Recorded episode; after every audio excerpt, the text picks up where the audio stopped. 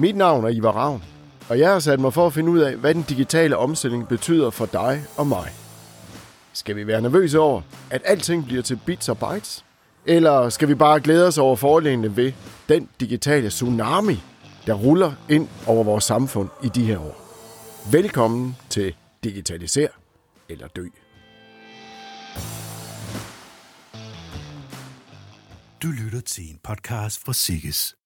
I dag der er jeg simpelthen øh, kommet ud af huset væk fra Aarhus til Københavns Universitet, det natur- og biovidenskabelige fakultet. Og jeg er så heldig at have fået en aftale med prodekan Erik Biskov Madsen. Vi skal snakke lidt digitalisering, øh, digital transformation, og vi skal snakke lidt om, hvordan I arbejder med at bringe forskning og erhverv tæt på hinanden. Erik, I har en ambition, har du fortalt mig om, at være digitale frontløbere. Fortæl lige lidt om, hvordan I, i tænker. Jamen altså, vi har egentlig den ambition, at digital transformation skal være noget, der gennemsyrer alt, hvad vi foretager os, både i relation til forskning og uddannelse og formidling. Og det vil sige, at det vil vi også have som en, øh, et værdisæt i relation til, at vi tiltrækker de bedste studerende. Øh, og herunder har vi også rigtig mange internationale studerende, der kommer til København. Vi har vel omkring 35 procent af vores kandidatårgang, som kommer fra 60 forskellige lande i hele verden, så det er nogle rigtig dygtige unge mennesker, vi får ind. Vi tiltrækker også øh, forskere, lektorer, professorer fra, fra hele verden. Det er plus 50 procent, øh, der kommer udlandsfra. Og det, at vi har et meget digitalt øh, stærkt fokus og, og fokus på digital transformation, gør, at vi kan tiltrække dygtige hoveder, dygtige studerende, dygtige forskere. Men det gør også, at vi kan tiltrække øh, dygtige samarbejdspartnere. Fordi vi har den ambition, at når vi selv er dygtige, så skal vi også arbejde sammen med de dygtige ude i samfundet, enten det nu er myndigheder eller det er virksomheder. Så, så det er egentlig øh, det mål, vi har, at i relation til kandidaterne, at øh, selvfølgelig uddanner vi dygtige dataloger, mm. matematikere og alt muligt andet, men vi har den ambition, at alle kandidater, der forlader fakultetet, de har en digital flavor, som vi kalder det, at de har et digitalt kompetent øh, mindset og kan gå ud og fungere i en virkelighed med digitale kompetencer, uanset om du er anden, uddannet inden for noget plantevidenskab, eller du er uddannet inden for fødevarevidenskab, eller du er uddannet inden for fysik eller noget helt fjerde. Jeg ved, at I har gjort meget ud af jeres øh, strategier. Der har været sådan en plan, der har kørt over de, de senere år. Nu kommer der snart en ny, ved jeg også. Mm. På at også transformere øh, fakultetet ja. digitalt. Altså vi har en strategi. Øh, vi har lige formuleret den til 25, øh, målplan for, for 25. Blandt dem, der har vi formuleret tre tværgående emner, som går på tværs og som skal gennemsyre alt, hvad vi laver. Det er innovation, bæredygtighed og digital transformation. Så de tre emner indgår i alt, som kører på tværs af forretningen. Det skal de både gøre på institutniveau, og det gør vi også på øh, centralt niveau her. Sådan at øh, hvad skal vi, det digitale, det er noget, som man, man kan møde alle steder, altså, og dermed noget, som bliver udlevet i dagligdagen. Og så for at lige vende tilbage til det med målplan 25, det vi har formuleret, det er med, at vi skal styrke vores øh, kandidaters digitale kompetencer øh, inden for, for alle områder. Der kommer ikke nogen ud, der ikke kan noget digitalt. Vi får kunne se også på læring og trivsel ved at bruge øh, IT øh, i, i læringen. Altså sådan, at det bliver sjovere at, at være studerende og bruge nye redskaber. Det har underviserne faktisk også taget til sig. Ja. Sådan at vi bruger de der IT-baserede læringsformer med henblik på, at man får en øget læring.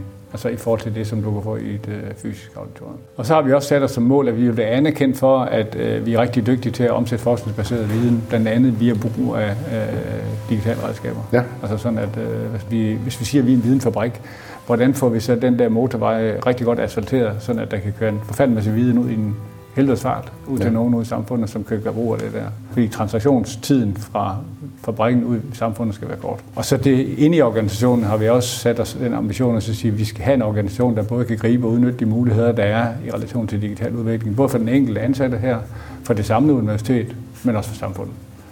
Så man kan sige, at der er altså et, en forpligtelse på den enkelte til at skal være med til at gribe de bolde, som, øh, som er på det her. Så det er sådan, altså, hvad skal vi sige, den rejse, vi har været på øh, siden 16, hvor vi for alvor begyndte at, at sætte det her på, og vi er blevet meget klogere undervejs, og øh, jeg synes også, at vi har haft mod til at lære udfordre undervejs. Når man snakker om det, så kan man jo sagtens se behovet, men derfra så til, at der får man da lige alle med på vognen. Der er jo et stykke vej. Ja. Hvad har I oplevet der undervejs? Jamen altså, man kan sige, at vi startede med at sætte en ambition øh, i ledelsen, og den ambition har vi så diffunderet ud i de cirka 60 ledere, vi er her på Science. Altså hvis vi tæller alle, vi har 12 institutter, og hvis vi tæller en samlet ledergruppe med, så vi mødes en gang imellem og laver nogle seminarer og sådan noget, så får den der digitale ambition transformeret derud, fordi vi har gået og talt om det, hvordan er det, vi skal gøre det her hvordan er det, vi øh, kan hjælpe hinanden med at dygtiggøre os på det her område. Lige så vel som vi i administrationen også har haft alle øh, ledere og mellemledere på kursus i digital transformation, sådan at de har fået et, øh, et mindset, som, som passer til det der. Og jeg vil også sige, at en ting, som vi har gjort i relation til forskningsmiljøerne, det er, at vi etablerede et øh, AI-center, et center, for, hvor de arbejder med kunstig intelligens, som jo har udspring i de datalogiske og matematiske øh, discipliner, men hvor der i dag er otte institutter ud af de 12, som arbejder med, uanset om de nu arbejder med geovidenskab, eller planter, eller fødevarer, eller hvad de arbejder med. Og det betyder, at vi har her nu måske niveau 150 forskere, som arbejder med kunstig intelligens på tværs af alle mulige anvendelsesområder. Øh, og det giver jo igen den der befrugtning på tværs, fordi man så får nogen, som har dyb øh, forståelse for, for eksempelvis kunstig intelligens øh, og, og nørder med det, men også dem, der skal bruge det i praksis i relation til eksempelvis øh, planteforskning, for at tage et eksempel.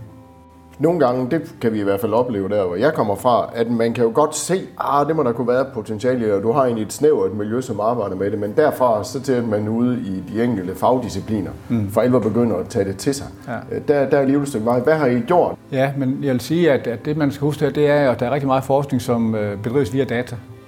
Og i og med, at datamængden den vokser eksponentielt i det her år, så kan man sige, at alle forskere har et behov for at håndtere de endnu større datamængder og endnu mere komplekse datamængder. Og blandt andet det, at vi, for eksempel det, vi arbejder med med droner, der tager billeder af afgrøder, marker eller hvad det er, øh, ørken i Sahara, hvor vi har haft droner henne, øh, det betyder, at det genererer enorme mængder data. Mm. Og for at kunne håndtere de der datamængder og analysere på dem og gemme dem i øvrigt, så kræver det, at vi har en infrastruktur øh, altså til at håndtere de her kæmpe datamængder. Og den infrastruktur har vi bygget op, så jeg tror, vi har øh, formentlig den største datalagringskapacitet noget sted i Danmark lige nu. Øh, og det er noget, som både studerende og forskere selvfølgelig har gavn af, sådan at øh, der er en kæmpe stor lagerkapacitet, der er en kæmpe stor analysekapacitet, fordi det, der driver en meget stor del af forskningsmaskineriet, det faktisk er data. Altså de fleste forskere hos os, altså, som arbejder inden for den natur- og biovidenskabelige område, ikke? Altså, de har data som øh, benzin øh, ja. til deres motor, ikke? Altså, og i og med, at nu er det før, man kan sige, at, at øh, benzinmængden den, den øges, fordi den, den stort set, altså, vi har robotter, der står og spyrer datamængder ud, vi har droner, som leverer øh, komplekse billeder, der skal analyseres. Vi har også samarbejdet med hospitalerne, for eksempel omkring scanning af, af billeder fra, fra mennesker og sådan noget. Der, ikke? Kæmpe, kæmpe, kæmpe store datamængder, øh, som kræver stor øh, analytisk kapacitet for ja. at håndtere dermed siger du også, at øh, med det afsæt, I har, altså den der datadrevne tilgang, som jo ligger i øh, fakultetets natur, må man mm. vel nærmest sige, så mm. at, øh, at det giver selvfølgelig et afsæt for, at man anvender det. I har også teknisk administrativ personale. Det er måske en anden historie. Ja, øh, og, og der kan man sige, at, at vi har jo, øh, vi har vel her på fakultet 100 og 90 eller sådan noget øh, inden for det tekniske administrative område. Der har vi gjort det, at vi har haft alle ledere og mellemledere på et øh, kursus i digital transformation, for ligesom at bygge en fælles bund op, så vi har et fælles sprog, øh, når vi skal snakke om, om det her. Og det handler jo om, at dem, der støtter vores uddannelsesaktiviteter, øh, de skal have forståelse for, hvilke muligheder er der i relation til at også bruge data, i relation til at understøtte øh, kursus, øh, hvor mange studerende der er bestået og alt muligt andet, til den anden ende vores økonomisystemer, eller dem, der kigger på bygninger og overvåger, hvor meget strøm vi bruger til vores fryser, eller så, så vi er også i en dataverden her, hvor, hvor det at bruge data intelligent og skabe værdi ud af de data, som vi har adgang til, øh, på en, en klog måde, hvor man kan sige, at vi skal bruge færre hænder øh, og mere maskinkraft til at håndtere øh, de der data. I øh, laver jo kandidater, men jeg ved også, I laver også efteruddannelse i digitale kompetencer, digital transformation til virksomheder. Ja. Fortæl lige lidt om, hvordan det foregår. Vi startede for en håndfuld år siden med at øve os på at udbyde efter videreuddannelse til virksomheder. Og hvis jeg skal nævne et par succeshistorier, så har vi blandt andet haft Novo Nordisk øh, forskningsafdeling i Måløb, hvor vi har haft et meget stort 60 antal øh, medarbejdere på kurser inden for kunstig intelligens og machine learning, øh, og som øh, de har været rigtig glade for på Novo, og, og vi fortsætter med. Og tilsvarende har vi også haft øh, Top Danmark, øh, som vi har kørt sådan et længerevarende efteruddannelsesforløb med. Og det, det gode ved det er, at vi har lavet sådan nogle skræddersyede forløb, hvor vi tilpasser det det behov, som de har i virksomheden, sådan at de får et kompetenceløft, som de kan gå hjem og bruge øh, i morgen når de er kommet hjem fra kurset. Og det vil sige, at vi har sat nogle af de bedste professorer, vi har haft øh, inden for de forskellige områder til at undervise de her mennesker, og så kører det så over typisk nogle måneder øh, med det her forløb. Ofte ude hos virksomheden faktisk, øh, fordi de så stiller lokaler og faciliteter til rådighed. Så, så øh, det, det er noget, der går rigtig godt. Nu sker der jo nogle gange det sådan, hvis jeg skal gribe egenbarm, man har været på efteruddannelse, det var godt nok nogle spændende dage, man var afsted der, så kommer man hjem, og så, boom, så kommer der sådan en øh, virkelighed kørende, og så er vi egentlig tilbage i den gamle plovfuger igen. Hvordan har, har de her virksomheder gjort noget for at sikre, at man også rent faktisk konkret anvender noget af det, man har lært? For det kan jo stille krav til, hvordan man arbejder i virksomheden i det hele taget. Jamen altså, hvis jeg skal give eksempler fra Novo Nordisk, så kan man sige, så handler det om, at de kom jo med nogle laboratoriedata, nogle forskningsdata, øh, som de har med ind i kursusrummet som, som du siger, det var real data. Øh, det var data fra deres verden, de skulle bruge. Og hvor de professorer, der så kom fra Science, fra KU, de så var med til at øh, gøre dem dygtigere til at bruge de der data, eller kombinere de her data på nye måder, eller øh, få endnu større datamængder ind, for de har også robotter, der står og spyrer kæmpe datamængder ud, øh, derude. Hvordan får man udnyttet og skabt værdi ud af de der mange data?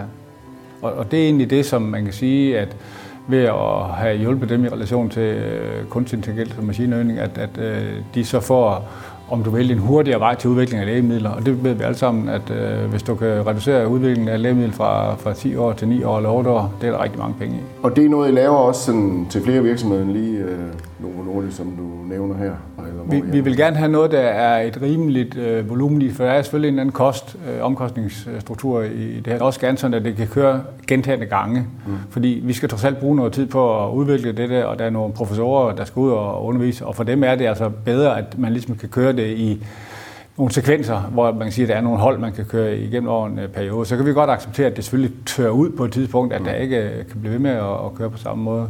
Men vi vil gerne have, at der er et eller andet øh, volumen, og, og det betyder, at det vi også har kigget på for nogen, det er faktisk, at der er virksomheder, der kan arbejde sammen, at der kan være generiske kompetencer her, som er fint kan arbejde sammen om, og sige, det vil vi gerne have løftet i fællesskab.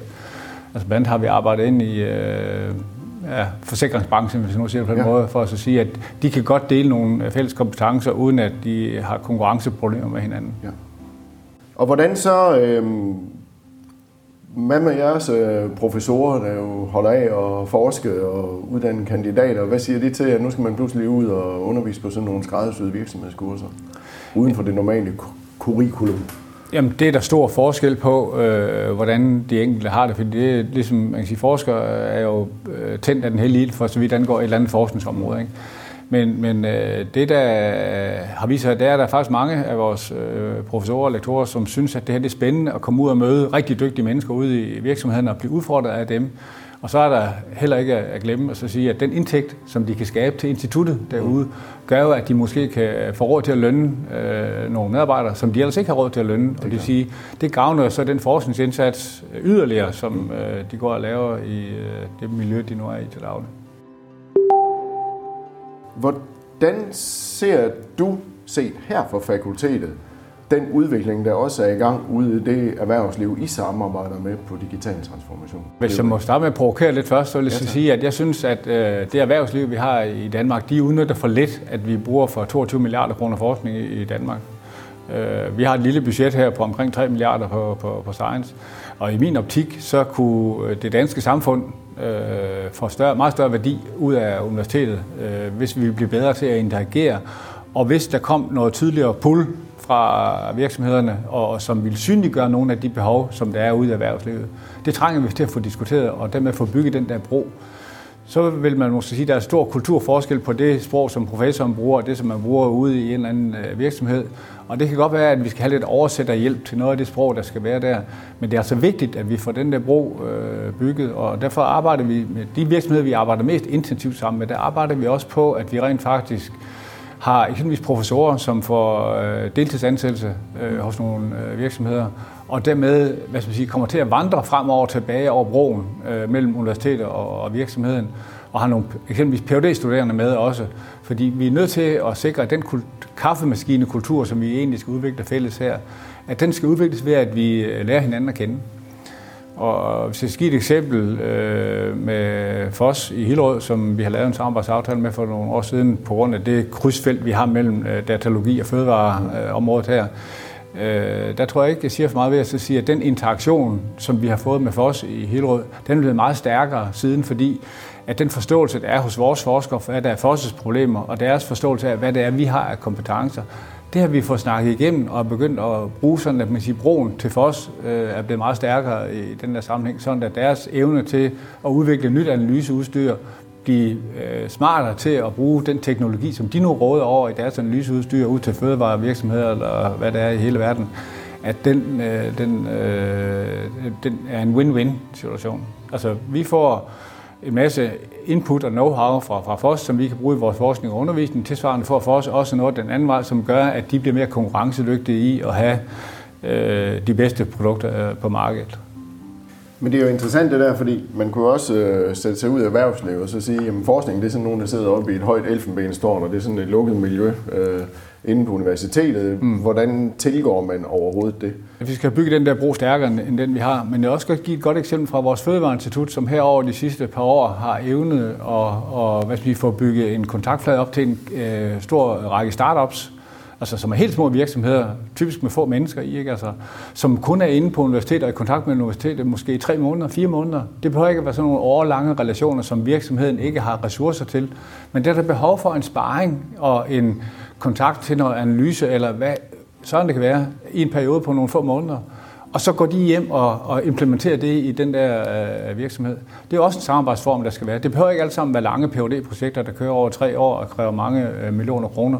Nogle gange så kræver det faktisk bare, at man har en, en relativt kortvarig interaktion, og, og der har vi set rigtig mange gode eksempler fra vores Fødevareinstitut, som, altså med startups, som jo er små øh, virksomheder, og, og som har været inde og, og fået rigtig meget nytteværdi ud af det der, og som forskerne faktisk synes er sjovt, fordi de så får igen den der touch af, af, af virkeligheden med at sige, der kommer nogen med nogle rigtige problemstillinger, som øh, det er sjovt at være med til at løse. Så hvis jeg nu sidder og lytter til det her ude i en SMB-virksomhed et eller andet sted og tænker, hmm, det kunne da være spændende, Hvordan kommer man så tættere på det? Jamen, de kan starte med at ringe til mig, så skal jeg nok sørge for, at de kommer videre. Men ellers kan man også gå ind på vores hjemmeside. Øh, vi har faktisk nogle kontaktpunkter derinde på vores hjemmeside, fordi vi har forsøgt at lave det der one øh, point of entry øh, ja. til, til fakultetet. Men, men erkendt at sige, at vi er 5.000 ansatte bare på science, det, kan være svært at finde rundt i, og det vil sige, at noget af den fejl, som jeg synes også industrien og virksomhederne ofte begår, det er, at man ringer til den, man ringer til for fem år siden, da man sidst var i kontakt. Ja den professor, lektor, man nu ringer til, siger jo ofte ja, så siger at det her det lyder spændende, det kan vi godt finde ud af at lave noget på. Men det får man ikke altid sammensat det rigtige dream team på, min optik. Fordi ofte er det sådan, at der skal flere fagkompetencer til, hvis man ønsker en eller anden udfordring øh, debatteret. Og øh, lad mig give et eksempel. Der, der var en meget stor virksomhed, der ringede for nogle år siden med en, en noget kompliceret udfordring, som krævede faktisk, at vi på tværs af universiteter måtte gå sammen for at stille et hold. Altså, men den virksomhed og den forskningsdirektør, der ringede, havde så spændende en udfordring, at det tog mig under en time at finde et dream team af 16 mennesker på tværs af Danmark, som var villige til at stille op og, og, og gøre det der. Ikke? Og jeg vil sige, at, at øh, som forsker ofte er, så er det sådan, at jo sværere udfordringer du kommer med, jo sjovere synes jeg det er. De gider ikke at lave konsulentarbejde. Det må man gå til Covi eller Niras eller nogen andre med, som kan løse det der. Men der kommer med rigtig svære udfordringer, som de kan se har et forskningsperspektiv, og som de kan bære ind i deres forskning. Det er øh, ofte noget, der trigger øh, deres hjernehalvdel. Ja, men Erik Bisgaard Madsen, tak for, øh, det, du ville sætte tid af til at snakke med mig i dag. Øh, det er jeg meget taknemmelig for. Jeg synes, det har været spændende. Det er godt, øh, nu har jeg talt med erhvervsfolk, det er også godt at komme på øh, universitetet og også høre, hvordan vi arbejder med at få ting til at hænge sammen. Og det er der potentiale i. Og opfordringen skal også være til de ude i de måske små og mellemstore virksomheder, der sidder og lytter med. Opsøg også kontakten til universitetet. Ansend kandidater. Få gode idéer til forskningsprojekter. Der er masser af muligheder, og vi har et potentiale i at få knyttet tingene tættere sammen. Så mange tak for det. Det var så lidt. Og vi vender tilbage med endnu en spændende gæst øh, i næste podcast her i vores øh, podcast-serie Digitalisere eller Løb.